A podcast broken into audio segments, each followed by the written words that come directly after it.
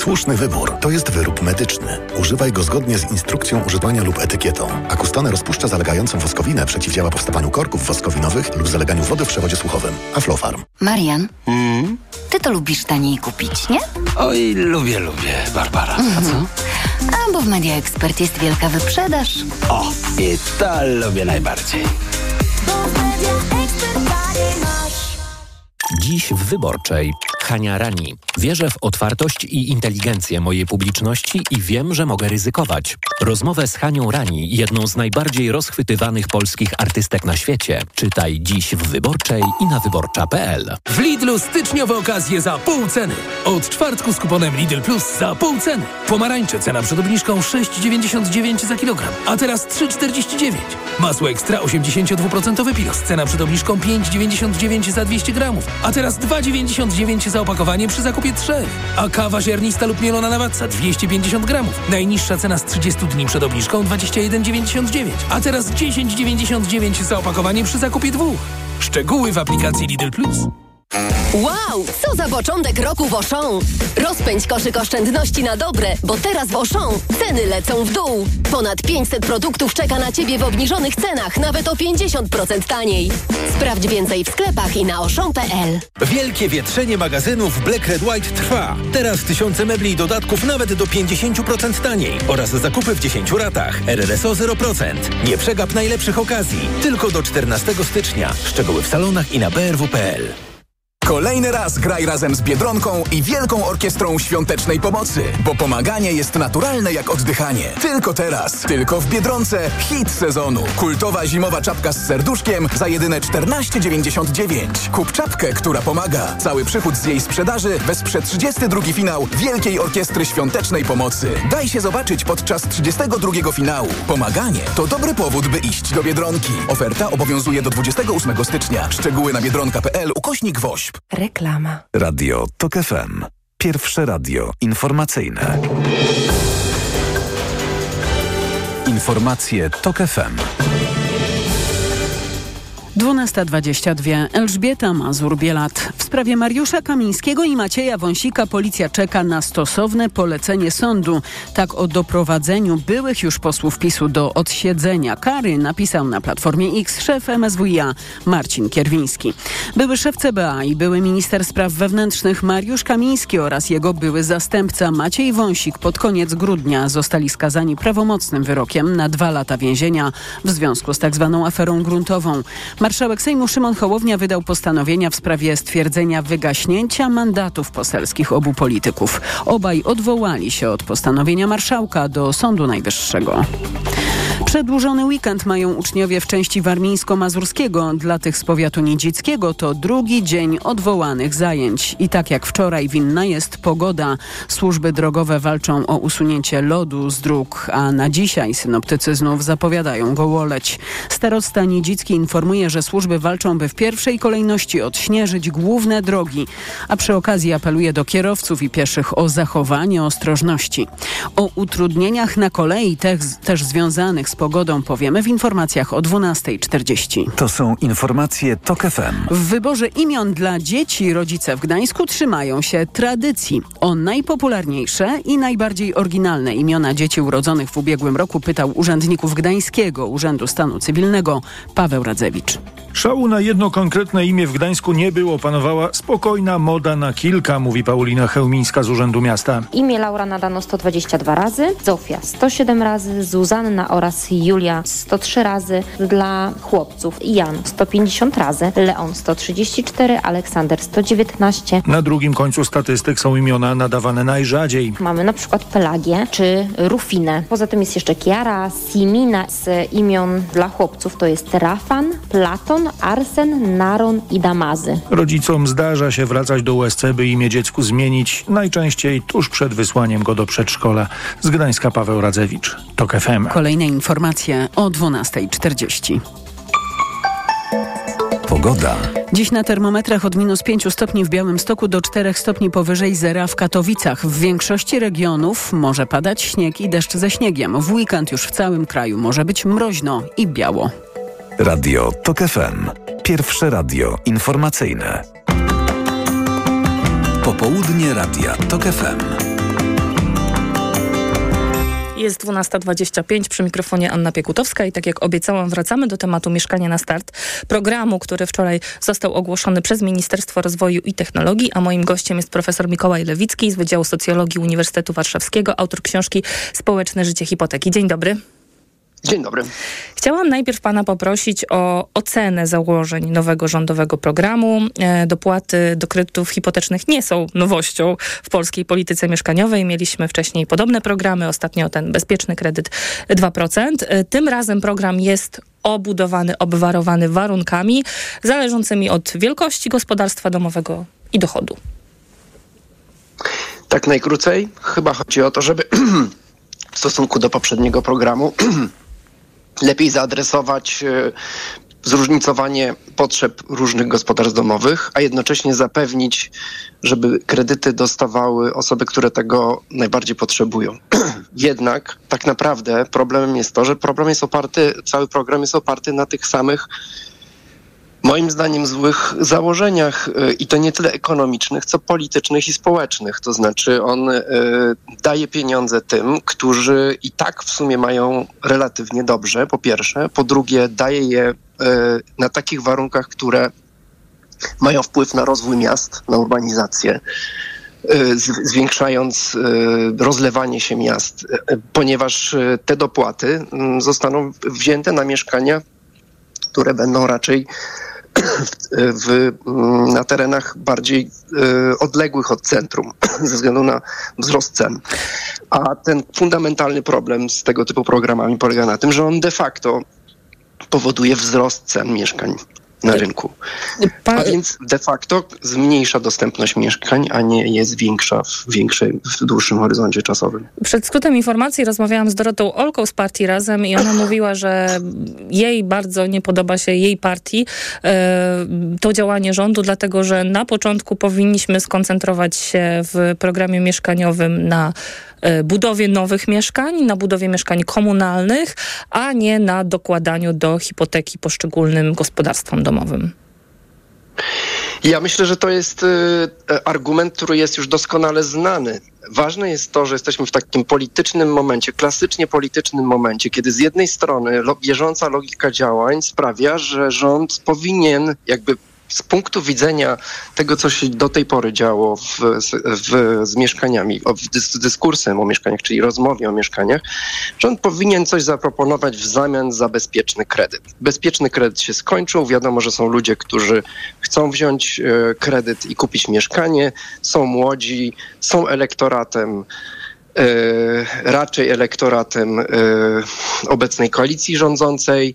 Trudno się do tego nie odnieść. Czas goni ale z drugiej strony y, wiadomo i mamy już wystarczająco dużo ekonomicznych analiz, które pokazują, że to rozwiązanie nie jest rozwiązaniem systemowym, jest rozwiązaniem doraźnym, które ma z punktu widzenia e, jakby całości ram systemu mieszkaniowego, a więc zróżnicowania go tak, żeby kredyt nie był jedynym, jedynym jedyną formą zamieszkiwania yy, i kupna mieszkania, czy pójścia na swoje, yy, ten program jest zły jest, y, działa wbrew, y, wbrew y, jakby takiej logice całości systemu mieszkaniowego, dlatego że po prostu kołdra jest krótka. Pieniędzy na mieszkalnictwo nigdy wystarczająco nie będzie.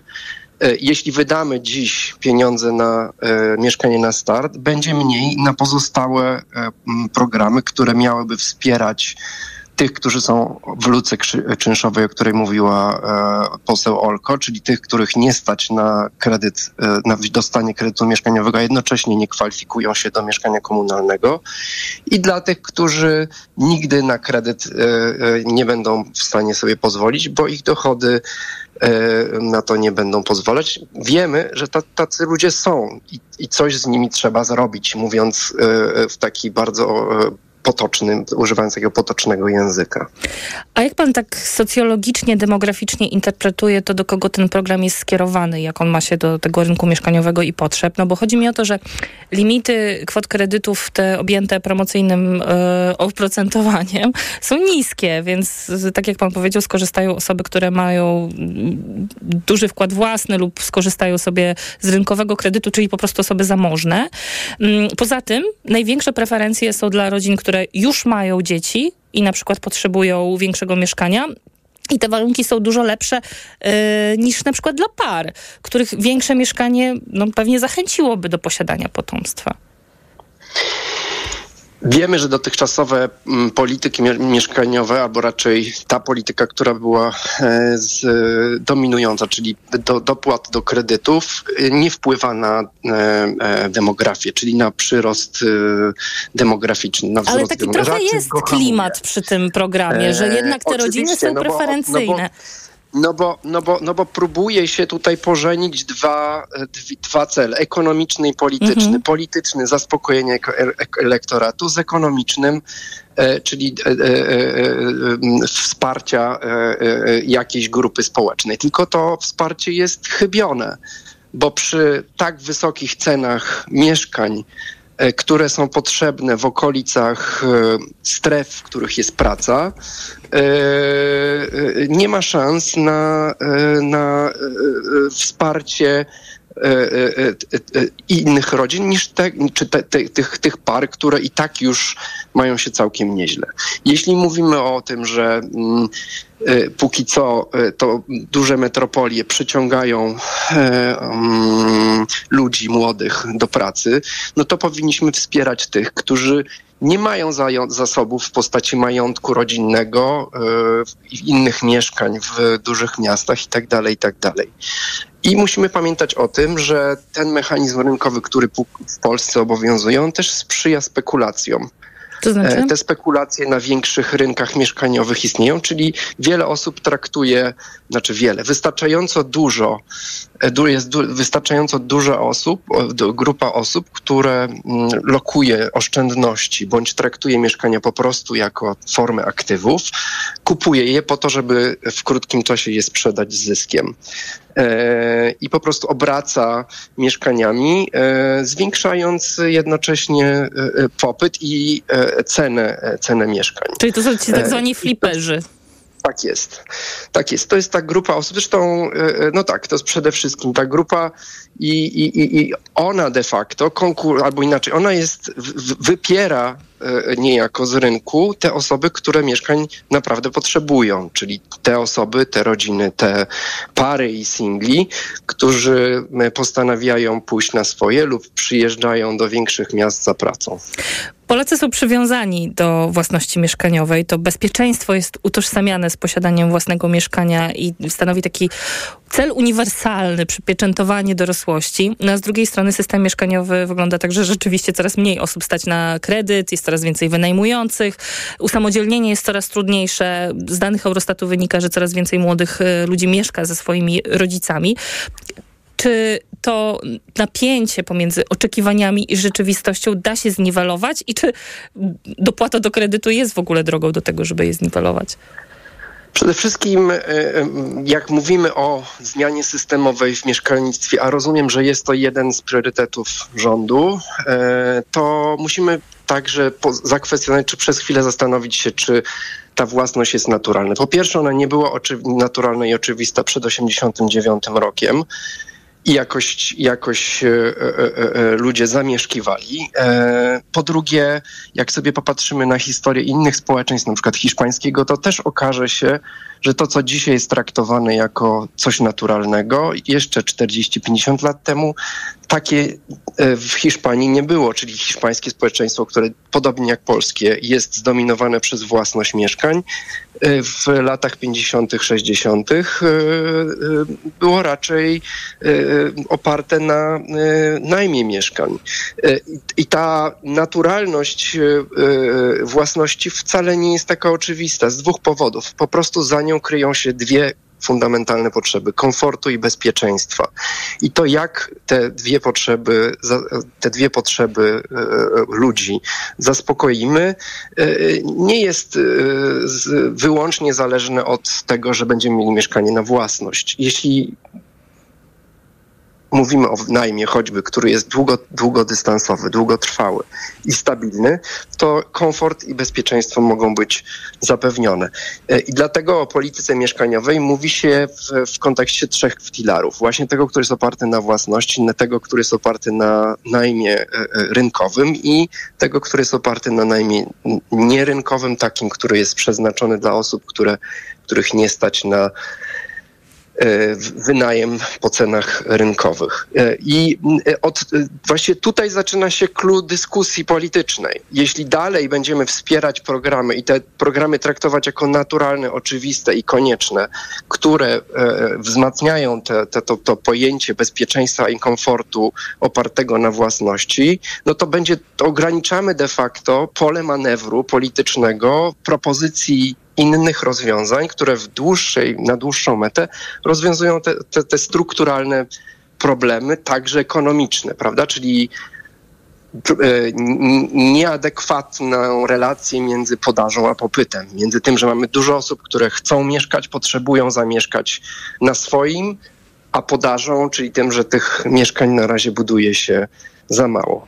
E, tutaj niewątpliwie takim ważnym aktorem w tym układzie są samorządy nie jako, niekoniecznie jako, jako e, podmioty, które miałyby budować mieszkania, ale jako ten, ta instytucje, te podmioty polityczne i gospodarcze, które są w stanie stworzyć e, e, stabilne i przewidywalne warunki do rozmaitych inwestycji, nie tylko opartych na własności mieszkań, na dochodzeniu do własności mieszkań.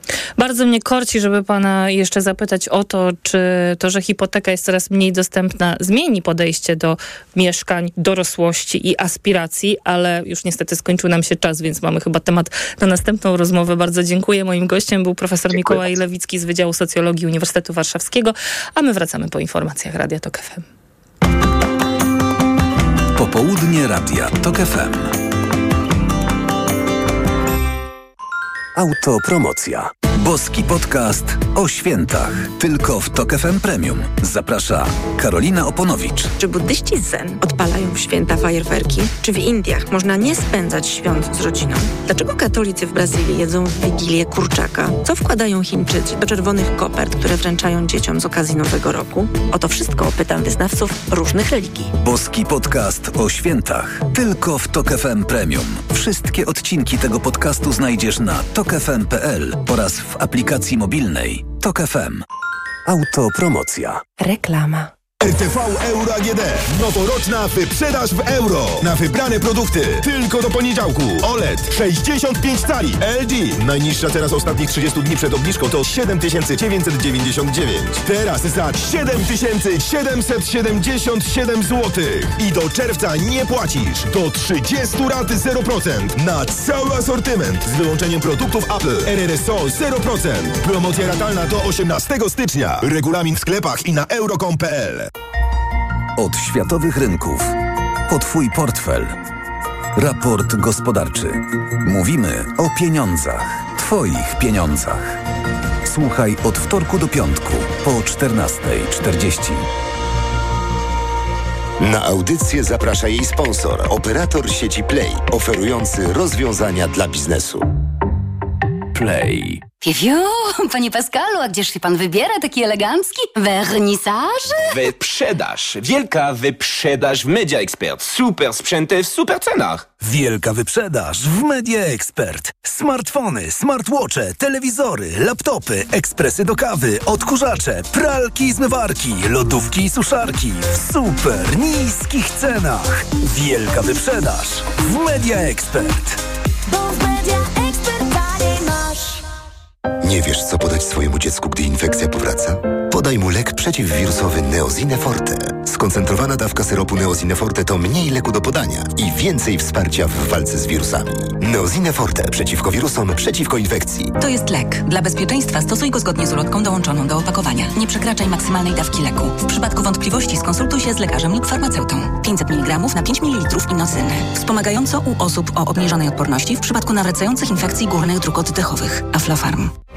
Pieczenie, swędzenie w tych okolicach to często pierwsze objawy hemoroidów. Nie lekceważ ich, bo choroba może się rozwinąć. Zastosuj Proctohemolan o podwójnym działaniu. Proctohemolan przynosi ulgę nawet w silnym bólu, a jednocześnie leczy hemoroidy poprzez wzmacnianie żył i przyspieszenie gojenia ran. Proctohemolan. Bez hemoroidów szybko i na długo. Proctohemolan krem. Tribenozyt, lidokaina. Zewnętrzne i wewnętrzne żlaki odbytu. Aflofarm. To jest lek. Dla bezpieczeństwa stosuj go zgodnie z ulotką dołączoną do opakowania i tylko wtedy, gdy jest to konieczne. W przypadku wątpliwości skonsultuj się z lekarzem lub farmaceutą. Teraz do zakupów zagrzewają biedronkowe oszczędności. Podążaj za nimi także zimą. Do piątku super oferty. Ser żółty Gouda lub morski światowit. Opakowanie 2 razy 250 lub 500 gramów za 1 zł. Przy zakupach za minimum 79 zł z kartą Moja Biedronka. Limit dzienny, jedno opakowanie na kartę. Oraz napój gazowany Coca-Cola, butelka 1,75 litra za 1 zł. Przy zakupach za minimum 79 zł z kartą Moja Biedronka. Limit dzienny, jedno opakowanie na kartę. Codziennie niskie ceny to dobry powód, by iść do Biedronki. Wchodzę na wagę i znowu przytyłam. I te napady głodu. Tak, Aniu. I chęć na batonika, i potem spadek energii, i senność. Skąd wiesz? Już to przerabiałam. Okazało się, że miałam wahania poziomu cukru we krwi. Mnie pomógł trisulin. Suplement diety Trisulin to aż trzy ekstrakty roślinne dla wsparcia prawidłowego metabolizmu glukozy. Trisulin to połączenie morwy, kozieradki oraz górmaru, który dodatkowo kontroluje wagę, zmniejszając apetyt na słodycze. Trisulin i cukier w normie. Zdrowit. Reklama.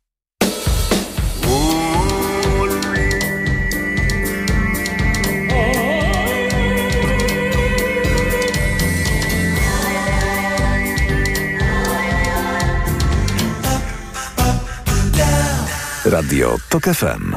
Pierwsze radio informacyjne. Informacje TOK FM. 12.41 Elżbieta Mazur-Bielat. Inflacja zaskoczyła spadkiem. Jak podał Główny Urząd Statystyczny, w grudniu ceny rosły w rocznym tempie 6,1%. Ekonomiści spodziewali się spadku inflacji, ale nie aż tak dużego. To oczywiście nie oznacza, że ceny w gospodarce masowo spadają. Żywność jest droższa niż przed rokiem o 6%, a energia o 10%. A przecież już rok temu nie było tanio. Komentatorzy podkreślają, że ten spadek inflacji jest po części efektem statystycznym, bo porównujemy dane inflacyjne do tych sprzed roku, gdy ceny rosły w kilkunastoprocentowym tempie. Drugi dzień z poważnymi utrudnieniami na kolei. Marznące opady nadal paraliżują ruch pociągów. O utrudnienia pytał Tomasz Węskę. Odwołane na części trasy zostało połączenie z Ustki do Bielska Białej, do Słupska. Pasażerowie musieli dojechać autobusem. Z długim poślizgiem dojadą do celu przede wszystkim pasażerowie pociągów Rozewie, Ustronie i Malczewski, które łączą Pomorze z Małopolską. Wybierając się na Pomorze lub jadąc z Pomorza na południe kraju trzeba brać pod uwagę kilkudziesięciominutowe opóźnienia. PKP PLK zapewniają, że co do zasady linie kolejowe są już przejezdne. Ruch pociągów trzeba po prostu zsynchronizować. Tomasz Fęskę, TOK FM. Ministerstwo Zdrowia przypomina o zakazie sprzedaży energetyków dzieciom i młodzieży. Napoje energetyczne zawierają m.in. cukier, kofeinę i taurynę. Wpływają na ośrodkowy układ nerwowy. Energetyki mogą też powodować objawy żołądkowo-jelitowe, nudności, biegunki, a do tego odwodnienie, zaburzenia elektrolitowe, drgawki, niepokój, zaburzenia snu i arytmię serca. Od stycznia energetyków nie da się kupić bez dowodu osobistego. O innym zakazie za chwilę. Dlaczego w Warszawie nie udaje się wprowadzić zakazu sprzedaży alkoholu wieczorami? Oto Anna Piekutowska zapyta za moment wicedyrektorkę Krajowego Centrum Przeciwdziałania Uzależnieniom Katarzynę Łukowską. A pełne wydanie informacji TOK FM o 13. Pogoda. W weekend w Polsce wróci zima, ma być mroźno i śnieżnie. Już dzisiaj na termometrach od minus 5 stopni w Białymstoku do 4 stopni powyżej zera w Katowicach. I w większości regionów może padać śnieg i deszcz ze śniegiem. Radio TOK FM. Pierwsze radio informacyjne. Popołudnie Radia TOK FM. 12.43 przy mikrofonie Anna Piekutowska. Według najnowszych danych pochodzących z takiego badania Barometr Warszawski 60% mieszkańców stolicy chce ograniczenia handlu alkoholem w nocy. Chodzi o takie ograniczenia, które obowiązują w różnych miejscach w Polsce. Zazwyczaj polegają na tym, że od 22, od 23 do rana nie można kupić alkoholu w sklepach. A o skuteczności nocnej prohibicji porozmawiam z Katarzyną Łukowską, wicedyrektorką Krajowego Centrum Przeciw Uzależnieniom. Dzień dobry. Dzień dobry, witam Państwa serdecznie. Między innymi o wprowadzenie zakazu sprzedaży alkoholu w Warszawie w nocy od dawna apeluje Stowarzyszenie Miasto jest Nasze i Stowarzyszenie Porozumienie dla Pragi. I w marcu stołeczni radni odrzucili projekt w tej sprawie. A takie e, obostrzenia obowiązują już w 10% e, gmin. Kolejne miasta decydują się na ograniczenie sprzedaży alkoholu w nocy, więc no jakoś się to musi sprawdzać i działać. W jakich obszarach i gdzie widać te efekty? Tak, już na to pytanie odpowiadam, ale zanim to uczynię, to e, chcę jakby trochę z, jakby jasno Państwu powiedzieć, że wprawdzie i w naszej rozmowie i używamy tego określenia nocna prohibicja, ale celem ustawodawcy nigdy nie było wyeliminowanie wszystkich punktów sprzedaży napojów alkoholowych w nocy, ponieważ w pubach, w restauracjach, w dyskotekach ten alkohol może być sprzedawany przez całą noc. Tak, jest to pewnego no rodzaju uproszczenie. Chodziło, tak, jest to pewnego rodzaju uproszczenie, ale być może to sformowanie prohibicja nocna tak wpływa, e, że radni nie chcą podejmować tego rodzaju decyzji. E, ale istotnie mm, odkąd wprowadzono ten zakaz, odkąd wprowadzono tę możliwość właściwie, odkąd samorządy gminne zaczęły z tej możliwości korzystać, e, my w Krajowym Centrum Przeciwdziałania Uzależnieniom przyglądamy się temu. Na przykład przeprowadziliśmy bardzo ciekawe takie, no, użyję tego określenia badania, wysłaliśmy pytania do każdej gminy, która wprowadziła taki zakaz oraz do każdego komisariatu policji w tejże gminie. No z takim właśnie oto pytaniem, czy po wprowadzeniu tych zakazów, tej nocnej sprzedaży napojów alkoholowych w punktach sprzedaży do spożycia poza miejscem, czyli krótko mówiąc w takich sklepach, czy w tych mm, społecznościach lokalnych odnotowano zmniejszenie interwencji w obszarze zakłócenia ciszy nocnej, bezpieczeństwa publicznego, no wszystko, wszystkich tych wykroczeń, które wiążą wiążą się z wędrowaniem w nocy po mieście w celu zakupu alkoholu w najbliższym punkcie sprzedaży. I jaka była odpowiedź? Prawie 100% samorządów gminnych, 100% komisariatów policyjnych odpowiedziało nam pozytywnie, czyli zmniejszyła się ilość interwencji w związku z tymi dwoma obszarami naruszeń po wprowadzeniu tej tak zwanej nocnej prohibicji. No ale skoro Oczywiście. to tak dobrze mhm. działa, to dlaczego tylko 10%? Przecież ten, y, ta możliwość jest od 2018 roku, no to już co najmniej połowa powinna mieć gmin taki zakaz, a jednak tak nie tak, jest. Te, też bym tak chciała. Y, natomiast to, co mnie bardzo cieszy, to to, że coraz więcej gmin sięga po tę y, możliwość i robią to coraz bardziej no, takie znaczące miasta, jeśli chodzi na przykład o turystów, którzy przy przebywają tam. Na przykład Kraków prowadził tego rodzaju, tego rodzaju obostrzenia. Gminy oczywiście są samodzielne w tej sprawie, to jest jasne. E, natomiast to jest też bardzo ważny argument. Rzeczywiście mieszkańcy tych miast są zadowoleni z wprowadzenia takich zakazów i zresztą sama pani cytowała bardzo ważne badania, że po 60% mieszkańców Warszawy również chciałoby e, tego rodzaju ograniczenia. Dlaczego? Dlatego, że mieszkańcy, krótko mówiąc, no chcą mieć ciszę, spokój, Kto idzie kupić alkohol o godzinie 23? No przecież nie ja, ani nie pani, ani nikt inny, kto planuje imieniny czy urodziny za dwa tygodnie, tylko najczęściej idą kupić alkohol w nocy do sklepów ludzie, którzy już wypili, ale się nie dopili, używam tego kolokwialnego określenia, nie mają w domu już alkoholu, no i jeszcze muszą, jeszcze się muszą dopić. I są skłonni no i być bardziej agresywni, robić jakieś Oczywiście, burdy że tak. i kłopoty Dlatego, że tak działa alkohol. Alkohol sprawia, że jak się zachowujemy? Głośniej, hałaśliwiej, krzyczymy, e, możemy zrobić jakieś, no, jakieś głupie rzeczy, których byśmy normalnie nie zrobili, ale rzeczywiście tak się po alkoholu dzieje i no przyznam szczerze, że też nie rozumiem, czemu warszawscy radni po pierwsze nie słuchają głosu ekspertów, po drugie nie słuchają głosu własnych mieszkańców, 60% to jest jednak powyżej połowy.